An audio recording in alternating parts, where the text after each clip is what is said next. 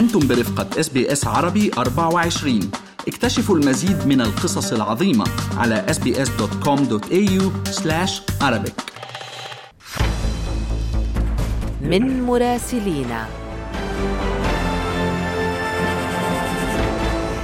أهلا بكم في رحلتنا الأسبوعية إلى نيويورك أنا بترا طوق الهندي. وأنا فارس حسن ويسعدنا أن ينضم إلينا من هناك مراسلنا محمد السطوحي. أهلا بك محمد. خبر الحقيقة ضجت في الصحافة العالمية وليس فقط في الولايات المتحدة.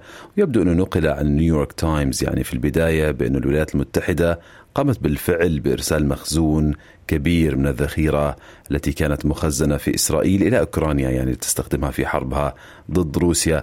ماذا نعلم إلى الآن عن هذا القرار؟ وهل كان يعني قرار اتخذ آه، مؤخرا أم أنه كان قرار قديم وتم إقراره مؤخرا؟ تم الكشف عنه مؤخرا وتحديدا صباح اليوم في صحيفة نيويورك تايمز. لكن من الواضح تماما أن هذه قضية مختمرة لفترة طويلة ومنذ بداية الحرب في أوكرانيا. المشكلة ببساطة أن هذه الحرب تحولت إلى ما يشبه معارك للمدافع بين الجانبين الروسي والأوكراني. هذا معناه التركيز على المدافع وعلى الذخيرة تحديدا. الذخيرة تستخدم منها أوكرانيا على حسب ما هو تم الكشف عنه في آه، آه، صحيفة نيويورك تايمز بمعدل 90 ألف قذيفة شهريا. من أين تأتي المصانع الأمريكية بهذا الكم الضخم؟ لا يوجد لأنها لا تنتج أكثر من نصف هذه الكمية. وبالتالي تستهلك كل ما تنتجه الولايات المتحدة وضعف هذه الكمية ما زال مطلوب. إذا لابد من البحث عن وسائل أخرى للحصول على هذه الذخيرة والقذائف. وهنا بدأت الولايات المتحدة تبحث في مخزونها الاستراتيجي. تحديدا في دولتين كوريا الجنوبية وإسرائيل ولكن إسرائيل تحديدا لأن فيها الكم الأكبر وبالمناسبة هذا المخزون موجود على حسب الاتفاق بين الدولتين بعد حرب 73 والاعتماد الأمريكي في ذلك على إنه لابد وأن تكون هناك أسلحة وذخيرة أمريكية موجودة في المنطقة بشكل دائم حتى لا تضطر إلى آه، الجسر الجوي الذي استخدمته لإمداد إسرائيل بالأسلحة في تلك الحرب. ومن هنا تم آه، آه، إنشاء هذا المخزون الاستراتيجي ووضع فيه ووضع فيه الكثير من الأسلحة والذخيرة. الجانب الإسرائيلي كان عنده مشكلة منذ البداية أن يتم نقل هذه الأسلحة إلى أوكرانيا لأنه أنت تعلم أن إسرائيل لديها علاقات حساسة جدا مع موسكو والقوات الروسية موجودة في سوريا ولا تريد أن تحدث مشاكل بين الجانبين من الممكن أن تتسبب ربما في صدام بينهما لا تريده إسرائيل ولا تريده أيضا روسيا. ومن هنا كان هناك تردد ولكن مع بعض الضغوط الأمريكية حسمت إسرائيل موقفها بأنه تسمح للولايات المتحدة بنقل هذه الأسلحة والذخيرة أو تحديدا الذخيرة آه، آه، إلى آه، أوكرانيا وكمية تحديدا حوالي 300 ألف قذيفه مدفعية، هذه كمية ضخمة للغاية كما ترى وربما تكون مؤثرة وحاسمة بالنسبة لدور الأسلحة والمدافع الموجودة في أوكرانيا.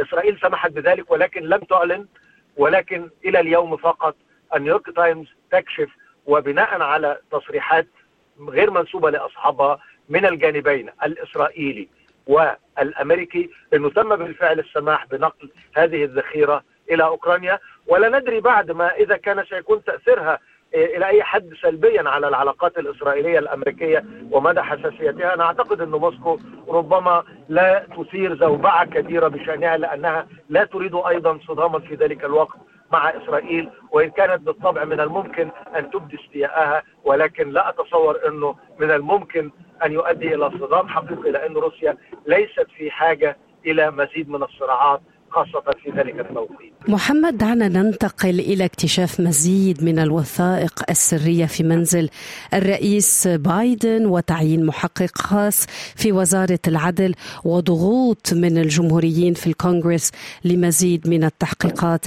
هل جر اكتشاف يعني هذه الوثائق أثناء التحقيق حرجا سياسيا على الرئيس بايدن؟ وماذا تكشف من معطيات حول الصفحات الخمس السرية؟ هو المشكلة لم تعد فقط سياسيا هو كانت منذ البداية مشكلة سياسية ولكن أصبح لها أيضا بعد قانوني لأنه وزير العدل الأمريكي عين محققا خاصا ومعه فريق كامل للتحقيق في أسلوب التعامل مع آه، آه، هذه الوثائق. لأنه في البداية تم الكشف عن وثائق في آه، مكتب للرئيس بايدن. ثم بعدها قيل إنه تم العثور على وثائق أخرى في جراج منزل الرئيس بايدن في ولاية ديلاوير. ما تكشف بعدها إنه لم يتم الإعلان في ذلك الوقت لأنه ما تم الكشف عنه في دلاوير كان في بداية شهر نوفمبر الماضي. اذا لماذا الصمت طوال هذه الفترة في الإعلان عن تلك الوثائق؟ رغم إنه ما هو معلن حتى الآن إنه لم يزد عددها عن 20 وثيقة كل ما تم الكشف عنه حتى الآن.